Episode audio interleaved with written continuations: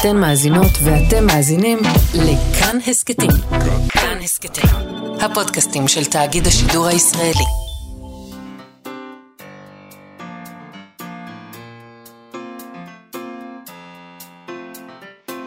מה שכרוך עם יובל אביבי ומה יעשה לה.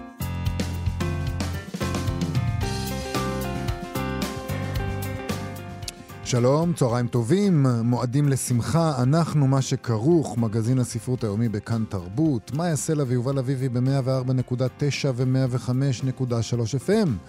אפשר למצוא אותנו גם ביישומון ובאתר של כאן, וכמובן גם ביישומוני ההסכתים.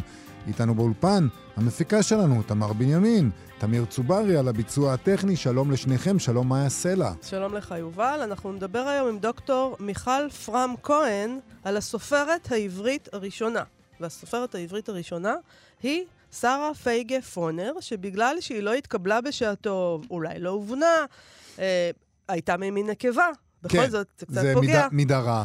זה מידה רעה מאוד. אה, היא נשכחה, והנה עכשיו יוצא הספר החדש של מיכל פרם כהן בהוצאת רסלינג, ובאמצעותה ובעזרתה ובזכותה אנחנו נברר מי הייתה האישה הזאת, הסופרת הזאת, ומדובר באישה אה, בהחלט יוצאת דופן.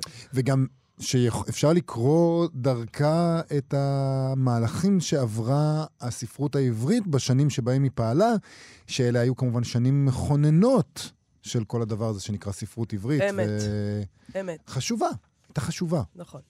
אז uh, עוד מעט נגיע לזה, אנחנו נדבר גם מיד... סליחה. אנחנו נדבר גם עם יעד ברגותי שלנו בפינתו ערבית ספרותית, אבל אנחנו מתחילים עם כתבה נרחבת של קרן דותן, שהתפרסמה בישראל היום בסוף השבוע, אה, ועסקה במצב שוק הספרים ובהשפעה של העובדה שמדובר בשוק שבו אין קונים. Uh, ובכך שסופרים היום משלמים כדי להוציא את הספרים שלהם. איך זה משפיע, כן. הדבר הזה? איך זה משפיע ואיך זה ישפיע על הספרות? העובדה שזה שוק של uh, מוכרים בלבד, ואנשים משלמים כסף בשביל הדבר הזה. אז קודם כל, קצת נתונים שמביאה קרן דותן. היא כותבת ששוק הספרים נמצא לכאורה בפריחה אדירה, שטף בלתי נדלה של ספרים רואי אור. בשנת 2020, שהייתה שנת קורונה, יצאו לאור 6,486 ספרים. מהם 1,813 שהם פרוזה בדיונית ושירה למבוגרים. כלומר, המספר הזה לא כולל אוטוביוגרפיות וביוגרפיות, ספרי ילדים, ספרי עיון, ספרות דתית, ספרי בישול וכהנה וכהנה. העסק שאנחנו מתעסקים איתו בדרך כלל. נכון. מספר ספרי הפרוזה והשירה שרואים אור בש... בשנה כמעט הוכפל לאורך העשור האחרון. לכאורה זה פשוט, מה אני אגיד לך, חגיגה. חגיגה. אבל היא מציינת שמספר הספרים שמתפרסמים גדול בהרבה מקיבולת השוק. ספרים לא נמכרים ולא נקראים. משק בית ממוצע, זה נתונים ממש חשובים, משק בית ממוצע, מוציא בחודש 17 נקודה... 17 שקלים ו-40 אגורות. מדהים. על ספרים שאינם ספרי לימוד, בחודש, 17, מדהים. 17 וחצי שקל, אוקיי? זה ספר בשנה, פחות או יותר. שני ספרים בשנה אולי. כן. אה, זה נכון לשנת 2017. המשמעות היא שמשפחה בישראל קונה בערך שניים וחצי ספרים לשנה, כולל ספרי ילדים. גם נתוני הקריאה בישראל נמצאים בירידה תלולה, לפי סקר מ-2017. רוב הישראלים, 51 אחוזים, לא קוראים בכלל לשם הנאה, להבדיל נגיד מקריאה למטרת לימודים, או קוראים להנאתם פחות משעה בשבוע. עכשיו, מכיוון שאין קונים לספרים, השוק הזה עבר למודל של תשלומי מחברים. כן. אדם המבקש להוציא ספר uh, לאור, יתבקש כמעט בכל הוצאה שיפנה אליה לממן מכיסו, באופן מלא או חלקי, את עלות הוצאת הספר. היא כותבת שהתעריפים נעים בדרך כלל בין 50 ל-90 אלף שקלים, ואף יותר, והיא תוהה איך המודל החדש משנה את שוק הספרים הישראלי, את מעמד הספר והסופר, את היחסים בין עורכים לסופרים ואת מבנה הוצאות הספרים. לדברי קרן דותן בישראל היום, כמעט כל אנשי הספרות שדיברו איתה, דיברו על הנזקים העצומים שגורם מודל תשלומי המחברים. ראשית, בגלל שהוא בעצם יוצר העדפה. של סופרים עמידים, אנחנו מדברים על זה לא פעם פה, סופרים כן. שיש להם כסף, על פני סופרים שאין להם אפשרות לעשות את המימון הזה של הוצאה של הספר שלהם, וגם בגלל שהמודל הזה עלול לחבל במערכת היחסים ההדדית והמפרה בין מחברים לאורחים. למה שאתה תגיד לי איך לערוך את הספר שלי? בדיוק. אני שילמתי פה 90 אלף שקל, אני אעשה מה שאני רוצה. מה שכן, הם טענו אה, שבהוצאות הגדולות, בהם יש פחות מרחב תמרון בעלויות התפעול השוטפות, הדרישה מהמחברים לממן את הספרים הפכה כיום לכורח הישרדותי. זאת אומרת, יוצא כאן מצב מאוד מאוד מעניין, ודיברנו על זה בהקשר של הקורונה, עוד מעט נגיע לזה, על, אה, על זה שההוצאות הקטנות הן אה, צבא קטן וחכם. כן. בהוצאות הגדולות זה מין דינוזאור כזה ש... אבל גם שם כבר מתחילים לקחת, אה, אנחנו שומעים, לא, מתחילים הם לקחת... לא מתחילים, הם לוקחים, חד משמעית. לוקחים. חד משמעית.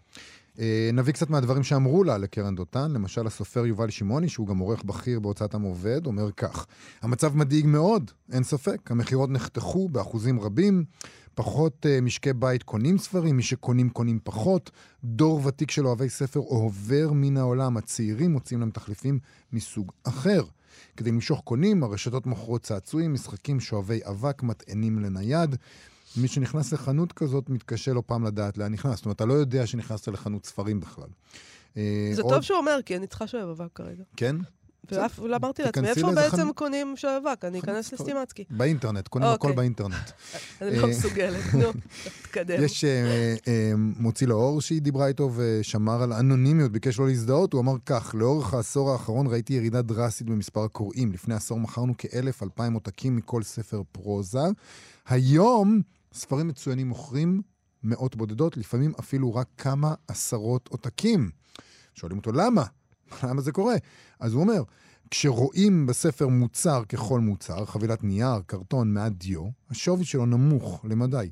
אם לא משקללים במחיר הספר את מימד הרוח, אפשר למכור ספר כמו עגבנייה. תחשבי למשל, הוא אומר לה, על תעשיית הבשמים. בושם נמכר במאות יורו. מה זה למעשה בושם? בפשטנות, מים עם ריח. אלא שיצרני הבשמים הצליחו למתג את המוצר כבעל סגולות הרבה מעבר לכך, ולכן אנחנו מוכנים לשלם עליו. רשתות הספרים עשו את ההפך מתעשיית הבשמים. במקום להגיד ספר זה רוח עם ערך סימבולי, הם אמרו זה מוצר, זה עגבנייה. הבאת פעם למישהו עגבנייה מתנה? לא, עגבנייה זה לא מתנה. אה, עוד הוא אמר, המצב כרגע, ואפשר לומר זאת באופן כמעט גורף על ספרות מקור, ספר ללא תמיכה אינו מכסה את עלות הפקתו. למשל, אם מחיר הספר הוא 70 שקלים לא כולל מע"מ, הרשתות והמפיץ גובים כ-80 אחוזים, למוציא לאור נותרים 14 שקלים, בהנחה שעלות ההדפסה היא 9 עד 12 שקלים, ומכך עוד מופחתות עלויות תפעול שונות, כמה נשאר למו"ל? זה לא כולל עריכה, הגהות, העמדה, עיצוב כריכה. מכאן ברור שכל ספר מקור כזה שנמכר, המוציא לאור מסבסד הם לא אותו. עומדים בדבר הזה, כי זה לא כלכלי, פשוט אה, הארבע במאה הוא פשוט הרג אותם. אה, נוגה אלבלח, סופרת, עורכת, ובעיקר, בהקשר הזה לפחות, מנכ"לית הוצאת הקיבוץ המאוחד, אמרה שיש עודף, שיש הצפה של ספרים. היא אמרה שם, אנחנו רואים שגם ספרים שדחינו, בסופו של דבר רואים אור בהוצאות אחרות, ובתוך זמן קצר מאוד, חצי שנה בערך. אין סינון, בסוף הכל רואה אור. מה שהיא אומרת זה שזה לא עובר עריכה שם. משלמים, ואז כזה... ברור, אז. אז מה זה משנה? כן. תן לי 90 שקל, אני גם אפתח הוצאה מיד. הוצאת, 90 אה, אלף, אל תטעה. 90 אלף כמובן. בהוצאת הקיבוץ המאוחד לא מבקשים מימון מלא מסופרי הפרוזה, אבל הם כן דורשים לעיתים השתתפות חלקית. אנחנו רחוקים מלקחת 50 אלף שקלים מסופר, היא אומרת, כמו בכמה הוצאות אחרות. ההשתתפות היא סמלית ביחס לסך הכל, אבל לפחות זאת השתתפות שתקטין את הבור בסוף הדרך. פעם לא היו, זה פשוט, פשוט גם התרגלו מה לזה. זה פעם? פעם, לפני שנתיים, שנתיים זה היה נחשב לדבר מזעזע. אף אחד לא היה מוד... מד- לחשו ולא הודו בזה. אף אחד... ב- ב- ולשמו, להגיד את זה בעיתון, נכון. לפני שנתיים זה לא היה קורה. נכון. עמית רוטברד, שהיא עורכת, מתרגמת ומולית אה, בהוצאת, של הוצאת בבל, אומרת שם שאי אפשר לבודד את התופעה של לקיחת כסף מסופרים מהמצב הכללי הרעוע של השוק.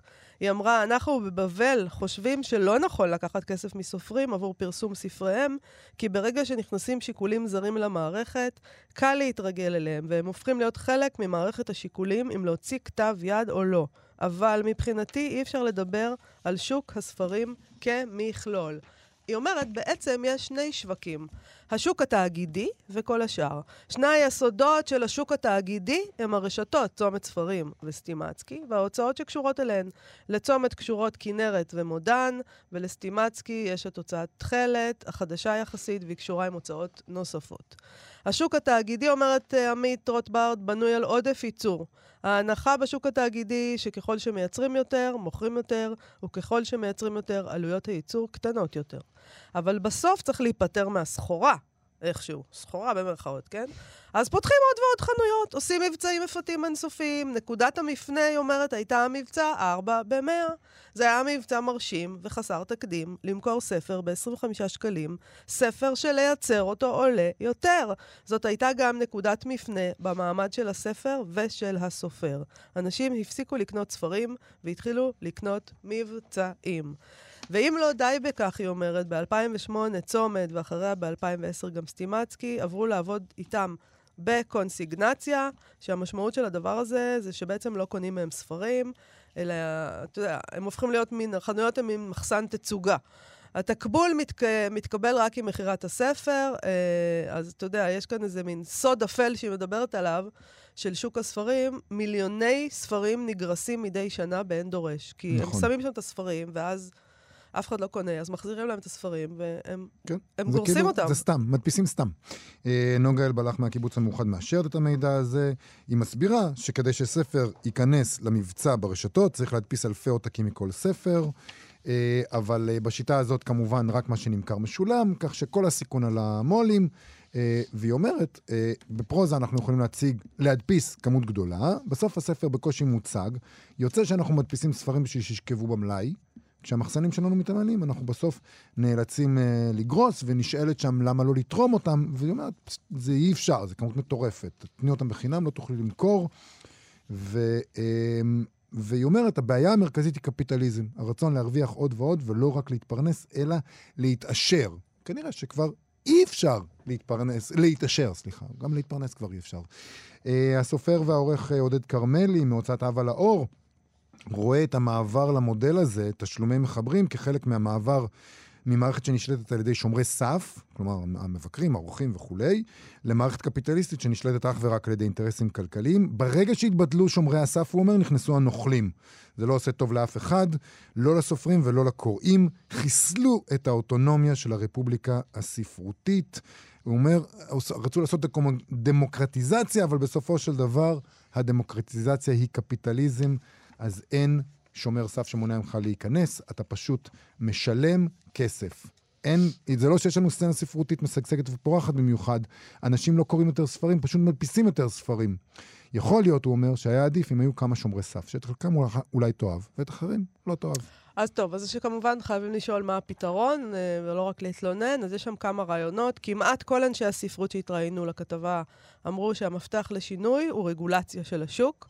רובם חושבים גם שצריך להחזיר את חוק הספרים, שקבע מחיר קבוע לספר בשנה וחצי הראשונות לצאתו לאור, וחייב את הרשתות לשמור על תצוגה פרופורציונלית של, של הספרים על השולחנות, זאת אומרת, כן. לא רק של הספרים של ההוצאות שהם קשורים אליהם. Mm-hmm. יש שם גם הצעות לחיזוק הקריאה, אתה יודע, לעודד מועדוני קריאה, לתמוך uh, בחנויות עצמאיות, ולהכיר בחנויות עצמאיות כאילו הם מוסדות תרבות. יש הצעה להגדיל את התמיכות הממשלתיות בהוצאת ספרים.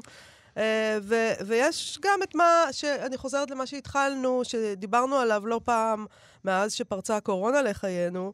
Uh, מה שקרה פה זה שהמו"לים הקטנים הבינו את כוחם, שזה דבר יפה דווקא שקרה, ועמית רוטברד מבבל אומרת, כשבאה הקורונה היא הוכיחה לנו, המו"לים הקטנים והעצמאים, כמה אנחנו צודקים שהשוק מוטה. ברגע שהרשתות נסגרו, ההוצאות הגדולות שתלויות בהן שלחו את העובדים שלהן לחל"ת. ובבת אחת, מערכות שלמות בשוק הספרים שבתו ממלאכה.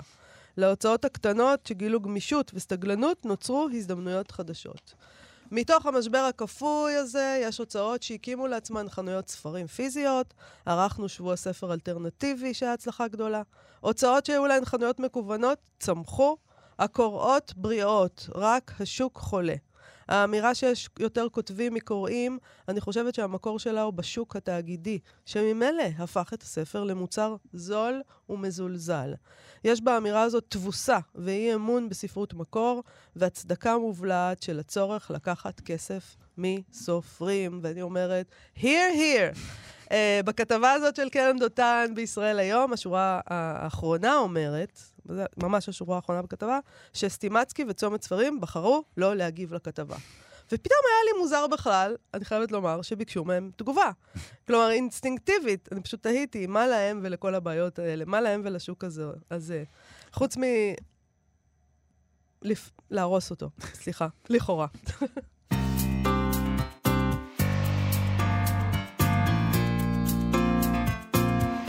הסופרת העברית הראשונה היא ככל הנראה שרה פייגה פונר לבית מיינקין.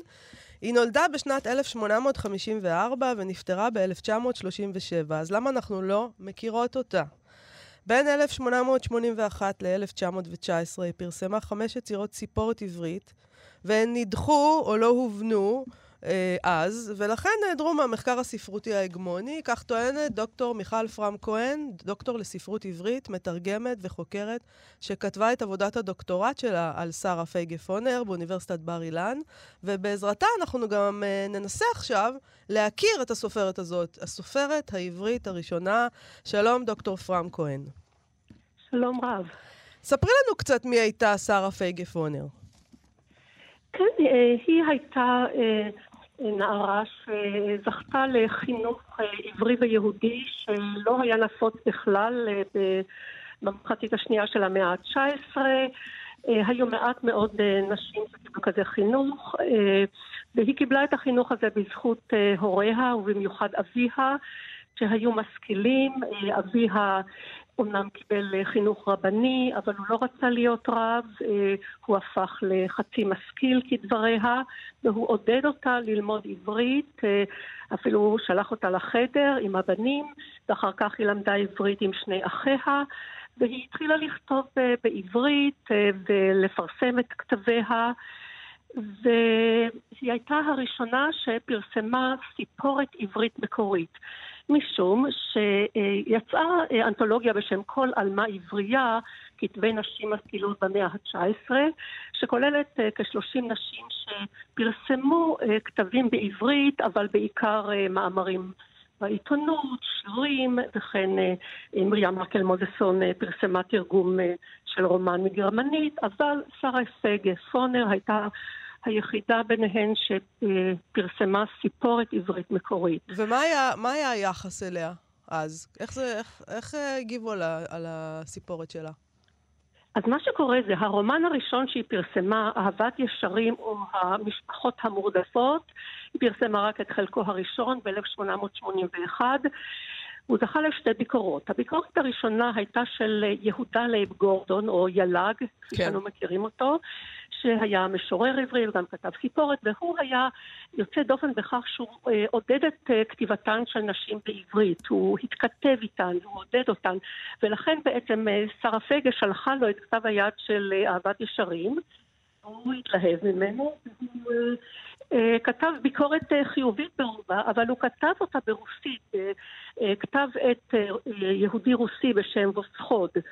ולכן הביקורת הזאת לא תורגמה עד 2012 mm. לעברית, ולכן לא מכירים אותה בכלל. Mm. לעומת זאת, גם כן ב, מיד כשיצא הרומן לאור, דוד פרישמן, שידוע גם כמבקר ספרותי, הוא פרסם ביקורת אה, שלילית מאוד על הרומן, והוא פרסם אותה בעברית.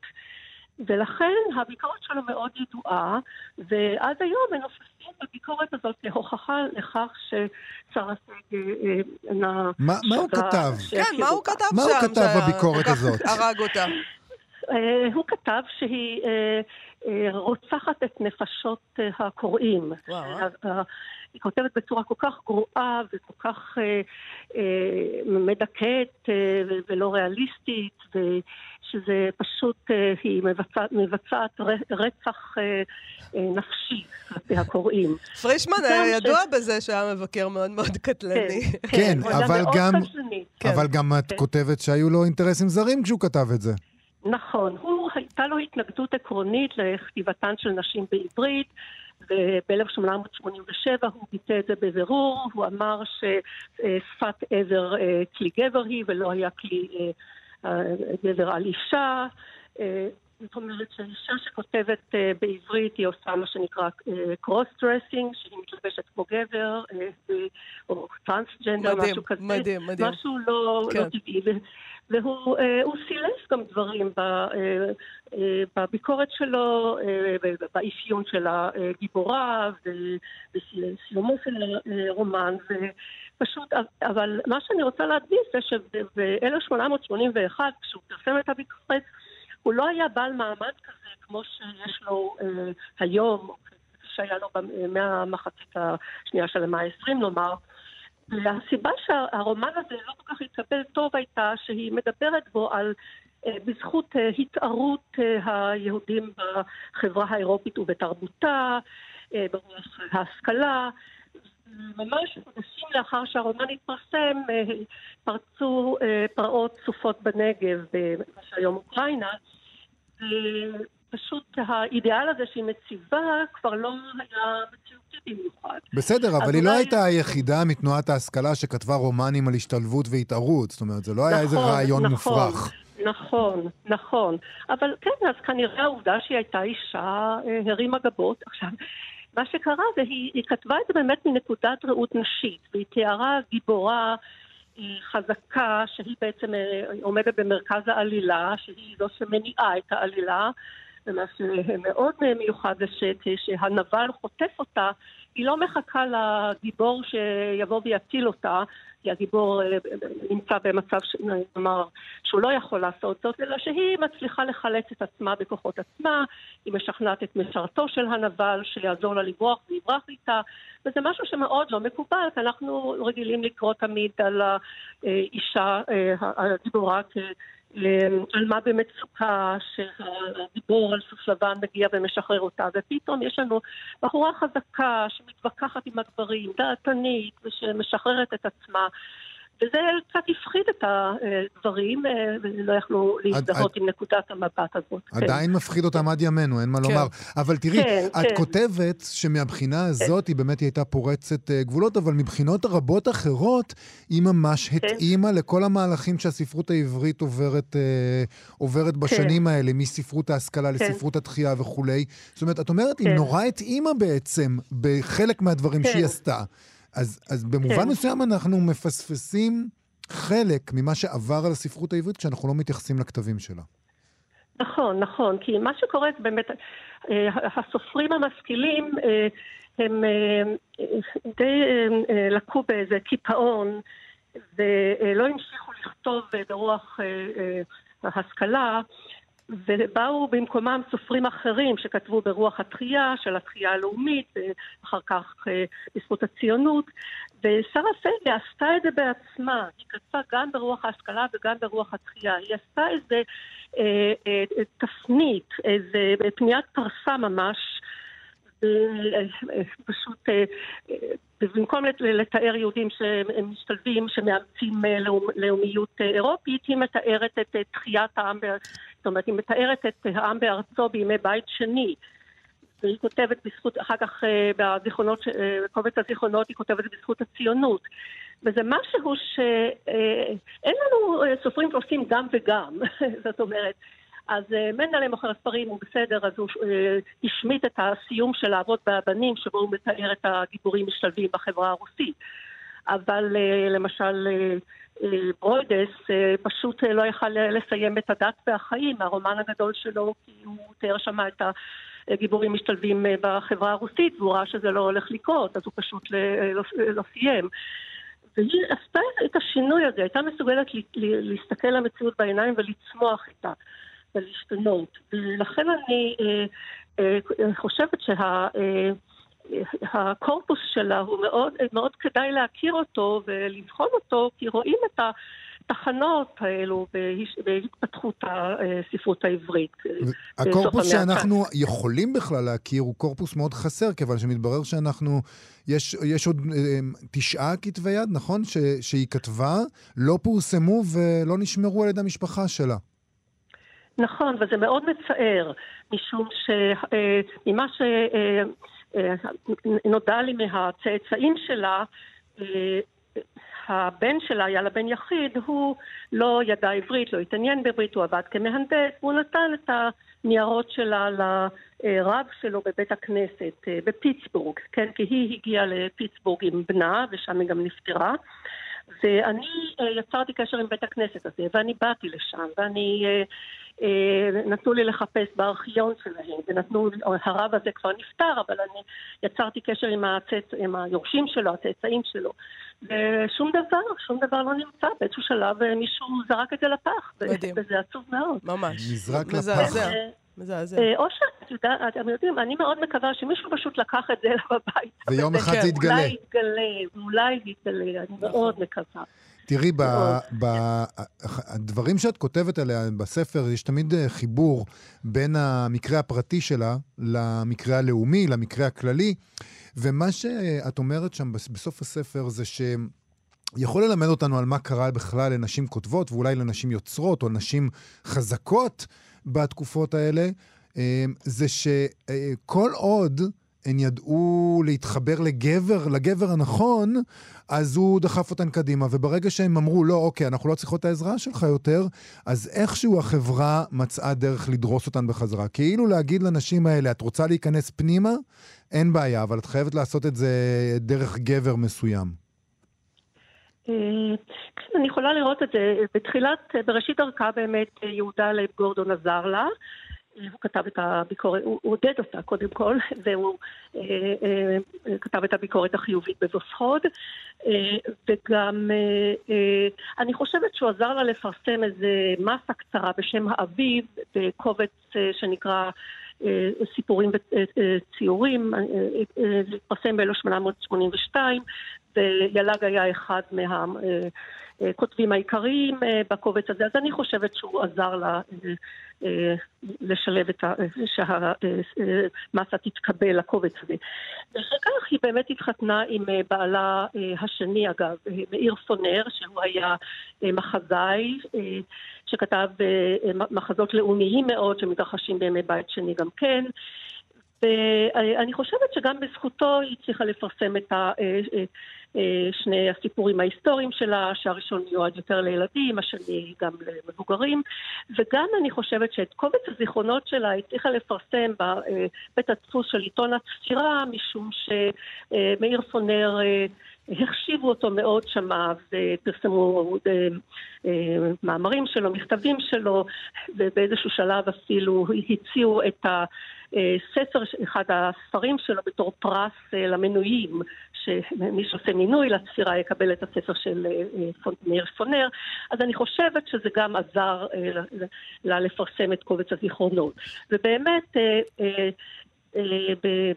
בערך ב-1905 אני חושבת, הבן שלה, בעצם מנישואי הראשונים, היגר לאנגליה ואחר כך לארה"ב, והיא עשתה איזו החלטה שהיא לא נשארת עם בעלה, לא הייתה כל כך מאושרת איתו, ומצטרפת לבן שלה. ובאמת, היא כמעט, היא לא, היא לא הצליחה לפרסם את אותם תשעה כתבי יד.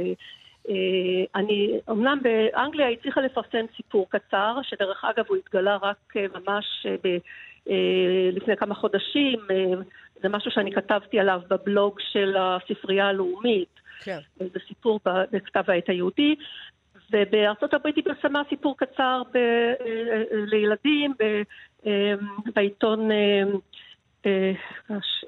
שחרות. אבל כן, לא היה לה באמת מי שידחוף אותה, מישהו שיעזור לה, והבן שלה לא התעניין בכך, ובאמת, למשל, אותו עיתונאי, יוסף זלי גליק, שכתב ביקורת די חיובית על קובץ הזיכרונות שלה, הוא היה מפיטסבורג, והוא גם ככה באיזשהו מקום אמביוולנטי לגביה, שטוב, ככה, זה לא כך מתאים לאישה, אבל אולי זה דווקא, זה בסדר שהיא יודעת עברית, כי ככה זה מונע התבוללות, אולי... טוב, אני חייבת לומר שזו מבחינתי תגלית נהדרת שאת גילית לנו. נגיד שדיברנו על הספר הסופרת העברית הראשונה שאת כתבת, דוקטור מיכל פרם כהן, יצא בהוצאת רסלינג. תודה רבה לך על השיחה הזאת. בבקשה, נעים מאוד. תודה. להתראות. ביי ביי. עכשיו, ערבית ספרותית. מה שכרוך בכאן תרבות, יובל אביבי ומאיה סלע עם מגזין הספרות היומי שלכן ושלכם, ואנחנו עם הפינה ערבית ספרותית, שבה אנחנו מדברים על הנעשה בעולם הספרות הערבי, עם יעד ברגותי, סופר ועורך המשנה של סדרת מכתוב לתרגומים מערבית לעברית, שיוצאת בהוצאת פרדס מטעם מכון ון ליר. שלום יעד. שלום לך יובל, שלום מאיה. אהלן. אנחנו מדברים היום על הקול הפלסטיני. כן. על איזה ספר אנחנו אה, מדברים היום? אנחנו היום מדברים על ספר ממש חדש שיצא לאור uh, בחודש שעבר, באוניברסיטת סרקיוז, זה ספר דווקא באנגלית, Being There, Being Here, Palestinian Writing in the World. זה בינתיים בעברית השם זה שם וכאן. זה ספר ממש חדש, רענן, אינטלקטואלי, מחדש, שבא ובעצם מזמין הגדרה מחדש של מה זה בכלל ספרות פלסטינית. באיזה אופן אני עושה את זה? מה זאת אומרת? אנחנו, אנחנו כמובן מכירים מעט מאוד מהספרות הפלסטינית, כאן מתפרסם אה, כן. uh, uh, מעט מאוד, אבל ברחבי העולם, בכל מיני מקומות, מתפרסמת uh, ספרות פלסטינית uh, מסוגים שונים, נכון? זאת אומרת, הספרות הפלסטינית כן. אולי בארצות כן. הברית שונה מזאת שמתפרסמת ב- מהספרות הפלסטינית בירדן. כן. כן, השאלה, השאלה המרכזית שבעצם הספר הזה דן איתה, זה השפה של הספרות. האם השפה, האם היות השפה הערבית היא תנאי הכרחי בכדי שהספרות תהיה ספרות, ספרות פלסטינית? זה בעצם ההגדרה, הגדרה של השפה והגדרה גם של המקום בו נכתבה הספרות, בעצם הגדירו אותה והגביל, לפחות לפי נקודת המבט של החוקר דוקטור מוריס אבליני, אה, שבא ואומר, יש, יש ספקטרום, ספקטרום מחשבתי, ויש רב-לשוניות, ויש אה, התנסויות שונות בעולם הזה של אנשים פלסטינים או ממוצא פלסטיני אה, שכתבו בשפות שונות, כתבו ב, ב, בספרדית ובדנית ובעברית ובטח אה, באנגלית, וכולם בעצם יוצרים מין ספרות מסוימת, מין נרטיבים שונים מאותה ספרות, ושבעצם הוא, הוא גם קורא, ל, ל, ל, הוא אומר שספרות פלסטינית חייבת ואין לה, אה, אה, והיא לא במצב שהיא תוותר על הספרות הזו הרב-לשונית ושמספרת בעצם את ה... את הסיפור הפלסטיני, נרטיב הפלסטיני. אבל הוא גם, הוא, הוא בעצם אומר, אם אני קראתי כמובן רק על הספר, לא, לא את הספר, כן. אבל בעצם הוא אומר, אם הבנתי נכון, שהספרות הפלסטינית זה שפה אחרת בעצם מה, מהספרות הערבית. זה, זה קטגוריה נפרדת. זה נכון? זה, זה, זה, זה נכון וזה חלק, זה חלק מהעניין, כי, כי יש פה גם את הסיפור עצמו, לא רק את השפה. יש את הספרות הערבית, שהיא הספרות שנכתבת בערבית. כן. שחלק מהספרות הערבית הזו זה ספרות שפלסטינים כותבים על הנרטיב שלהם וגם על הסיפור שלהם כפלסטינים וכחלק מה... אה, אבל יש פה גם סיפור שהוא אה, אה, ספרות שהיא פלסטינית, שהיא לא נכתבה בערבית מלכתחילה, והיא לא גם חלק מהמרחב של העולם הערבי, ו, ו, והוא קורא לא לוותר עליה, על, על הספרות הזו, והוא, אה, והוא יכל על ידי מחקר השוואתי שבו אה, הוא ניתח טקסטים שונים. גם של רסן כנפאני וסוזן אבו אל-הווה ופווז טורקי, אה, סופרים שהם ממוצע פלסטיני או פלסטינים, אה, חלק מהם גם דור, דור שני או שלישי של מהגרים באמריקה הלטינית ובמקומות אחרים, שכתבו סיפורים, ש, ש, שמה ש, שיוצר אה, מכל אלה קנון ספרותי אחד זה ש... אה, שיש אה, אה, זיכרונות, יש זיכרון של, של, של משפחות, של דורות קודמים על פלסטין, והוא מנסה בספר הזה לבחון את, ה, את, ה, את, ה, את, ה, את התפיסה של הבית ושל המולדת בהקשר הזה, והוא חושב שיש פה, שיש פה אה, אה, סיפור אחר של ספרות. אתה יודע, אני חושב למשל על הספרות העברית, אה, שבתקופת אה, זמן מסוימת נאמר לנו, אה, חייבים לכתוב בעברית. אין, אתה לא יכול לכתוב בדבר אחר, חייבים לכונן את הזהות שלנו, את הזהות הלאומית, גם דרך הכתיבה בעברית. אני מניח שיש הרבה מאוד אנשים כן. שאולי מתנגדים לתיאוריה כזאת ואומרים, לא, לא, לא. אם אנחנו, אנחנו חלק מהמרחב הזה, אנחנו חלק מהמקום הזה, זאת הזהות הלאומית שלנו, אנחנו חייבים לכתוב בערבית. יש לו התנגדויות כאלה? אתם שומעים התנגדויות כאלה? תראה, א', הספר הוא חדש והוא התחיל אה, לעורר אה, ממש דיון והתחילו גם אה, לכתב עליו ביקורות שדווקא ראו את האופק של הרב-לשוניות, גם ש... בהקשר שהוא מחדש. באמת, יש פה תרומה מאוד ייחודית לכל המושג של ספרות פלסטינית. ברור שפלסטינים שחיים פה בארץ, ששפת האם שלהם ערבית, והם כותבים בערבית, ו, ושזה דבר שהוא מובן מאליו, פה הספר יוצא מהמובן מאליו. וזה אנשים, לסופרים ששפת האם שלהם היא כבר לא ערבית.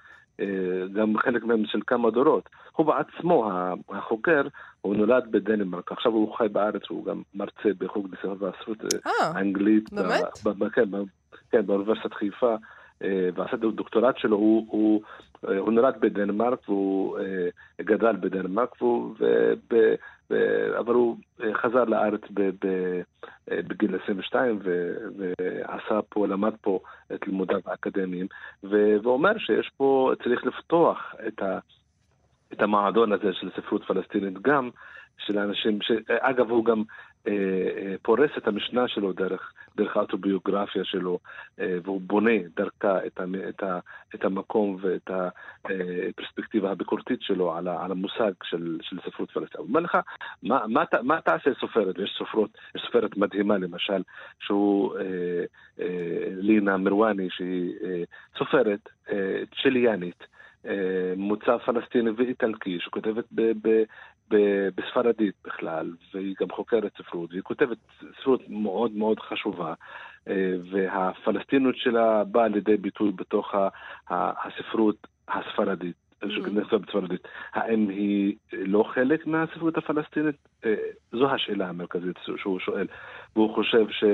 אה, שיש פה שפות אחרות ויש פה גם מארגים אחרים של סיפורים, והוא חושב שדווקא זה מרחיב וזה פותח את ה, גם את המובן של התרבות והזהות הפלסטינית לכיוונים חדשים ומעניינים מאוד. מרתק. זה נשמע מאוד מאוד, מעניין. מאוד מאוד מרתק. Being there, being here, Palestinian writing in the world. אייד ברגותי, תודה רבה לך על עוד פינה מרתקת. בבקשה. תודה, אייד, להתראות. תודה.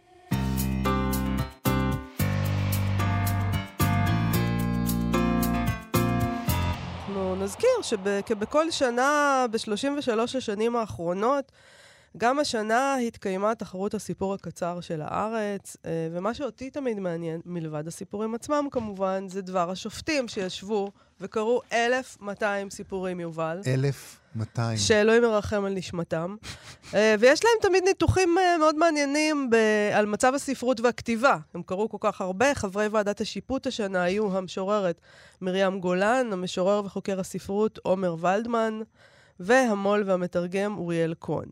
והנה מה שהם כתבו. אה, על, הם, אתה יודע, ב, הם כותבים את דבר השופטים, כן. תחרות הסיפור הקצר של הארץ, בהיקפה הרחב ובמעמד שזכתה לו, מחייבת זיכוך וגם דיוק של ציפיות. קוראים מיומנים מצויים תמיד בציפייה לחידוש של קול, של שפה, של מסר, של הסתכלות על העולם. אחרי קריאה כל כך אינטנסיבית, ניתן בוודאות לומר שהציפייה הזו לא שוכחת, גם אחרי שסופרים כמה מאות סיפורים. שבריר השנייה שבו מופיע טקסט חדש על מסך המחשב, נושא איתו התרגשות. היו לא מעט סיפורים עם התחלות מבטיחות שמשתבשות, בוסריות שמותירות טעם החמצה, פרצי נוסטלגיה נטולי ערך ספרותי, וידויים מביכים, והמתסכל ביותר, אותם סיפורים נושאי בשורה באמת, שעם מעט עריכה הכרחית, אך לדאבוננו בלתי אפשרית, עשויים היו להגיע לשלמות, או לפחות לדיוק משמח. שלמות? נדרש, אני לכזה סיפור הייתי נותנת פרס, כי אם הוא יכול להגיע לשלמות, אז מה... כן, אז... מה השם זה שכתב אותו? הוא היה לבד בבית. נדרשנו לטקסטים רבים של עיסוק לא מתווך בזיכרונות, יומני מלחמה מפורטים וביוגרפיות של דמויות היסטוריות. בקצה השני של הקשת שכנו טקסטים המאופיינים במה שניתן לכנות אווירה של ספרות. שים לב, אווירה של ספרות. כלומר, טקסטים שבהם גבהות הלשון, התיאורים המופרזים והפתוס, ובגרסה אחרת, תחבולות לשון מלאכותיות או שרירותיות וחסרות הצדקה פואטית, עומדים כחומת חול נדיפה, המכסה מגלה את העובדה שאין כאן למעשה סיפור. טוב, 1200 סיפורים, מן הסתם בחלקם אין סיפור, מה... לא למה רק... אתה מנסה להגן על הזה? אה, מה... 1,200 סיפורים שרובם גרועים, הם- אם- אם לא הבנת מה הם רצו להגיד. לא כן. רק סבל היה מנת חלקם, ככה הם כותבים. היו לשמחתנו גם סיפורי אמת, שהעבירו משהו להאמין לו. סיפורים ששפתם אינה מכשול, אינה מכשול. עם דמויות וקולות המעוררים רצון לצאת איתם למסע של ספר שלם. המהפכות הגדולות של הספרות הביאו איתן חידושים מרחיקי לכת של צורה ותוכן, וככל שהיו שונות זו מזו, ככל שמתחו, שמתחו את הגבולות, וככל שהצטיינו בשבירת סדרים קודמים, ברבות השנים החידושים נטמעים והופכים שגורים ושקופים, והמחדשים האוונגרדיים לשעבר נותרים רלוונטיים לקהל המשתנה, רק אם הצליחו במשימה המורכבת מכולן וההכרחית תמיד, לספר סיפור טוב. מוזר, כי בעיניי זה בכלל לא העניין, לספר סיפור טוב, את אבל אוהבת בסדר. צורה. אני, אה, תראה, יש גם את העניין של הסיפור, אבל בסוף זה הצורה זה, זה ספרות. מה זה לספר סיפור? אז אפשר לעשות גם מדורה ולספר צ'יזבטים ולספר בדיחות, כאילו, מה זה לספר סיפור טוב? נו, ברצינות. השנה, במקום הראשון, זכה רז ליברמן עם הסיפור מידל גיים, במקום השני, לילך קרסנטי עם הסיפור גלים, ואורן ג'קמן עם הסיפור בשמונה בבוקר חזק. הסיפורים, כמובן, פורסמו בתרבות וספרות של הארץ. נכון, ואם אנחנו כבר בעניין של סיפורים קצרים, אז יש לנו סטטוס ספרותי מקבוצת הפייסבוק, שבחי הסיפור הקצר, שם כותבת מירי שחם. תת... שולחת, מציעה לחברים, תציצו רגע בדף הבא מתוך האתר של קלי לינק, שבו היא מאנדקסת באופן מסודר את כל הסיפורים הקצרים שכתבה. מי שהציץ בטח שם לב לתופעה ייחודית, היא כותבת, לסיפור הקצר. הסופרת פירטה את מגוון המופעיו הפומביים של כל אחד מהסיפורים שכתבה, בין אם בכתבי עת, באנתולוגיות, בעיבודים בימתיים וכיוצא בזה. וישנם רבים כאלה. ודאי תסכימו שזוהי תכונה מלבבת המשותפת לסיפורים קצרים ולשירה. היכולת למחזר את אותן היצירות תחת הקשרים חדשים, וכך לשמור אותן בתודעה, וגם להגיע לקוראים חדשים. בישראל מתפרסמים סיפורים קצרים בכתבי עת, ומדי פעם גם באנתולוגיות של הסיפור הקצר. נותנת דוגמאות, נעימה ששון כותבת שירים למשל, הוא סיפור שמאוד אוהבים לאנטלג. Uh, אני לא אוהבת את, את השימוש הזה שהיא עושה פה בלאנטלג, היא מתכוונת להכניס אותו לאנתולוגיות. אבל אילו היו יותר אנתולוגיות של ספרות מקור, היא כותבת, אולי יותר סיפורים קצרים היו מקבלים הזדמנות להתקבע כקלאסיקות. ניסיתי לחשוב על סיפורים מ-25 השנים האחרונות, האם ישנו סיפור קצר שהוא בעל סיכוי לעבור קנוניזציה מהסוג שתיארתי? נראה לי שלא. תשאלו אותי איזה סיפור ראוי לעבור קנוניזציה כזו, סיפור חד פעמי, חזק, מטלטל, פוקח עיניים, בלתי נשכח, קל. הסיפור של שז. Uh, הסיפור שקרוי "הכוס שלי נשכן", ובשוודיה יש גברים אחרים. ככל שאני יודעת, כותבת מירי שחם, הוא הודפס פעמיים באנתולוגיה האירוטית, שם יש שושנים מ-2003, ובקובץ הסיפורים של שז מאולפת, שיצא כמה שנים מאוחר יותר, והיא נותנת שם, אה, אפשר לקרוא אותו בניוזלטר הספרותי של אהוד בן עזר, יש שם לינק, אם מי שרוצה מוזמן להיכנס בשבחי אה, הסיפור הקצר. היא גם תוהה איזה סיפור אה, קצר אה, ראוי לעבור קנוניזציה. אנחנו נישאר עם השאלה הזאת. נשאר עם התהייה הזאת, כי אנחנו צריכים לסיים. נגיד תודה רבה לתמר בנימין ולמשה מושקוביץ' שעשו איתנו את התוכנית. בואו לבקר בעמוד הפייסבוק שלנו ועמוד הפייסבוק של כאן תרבות. להתראות. להתראות.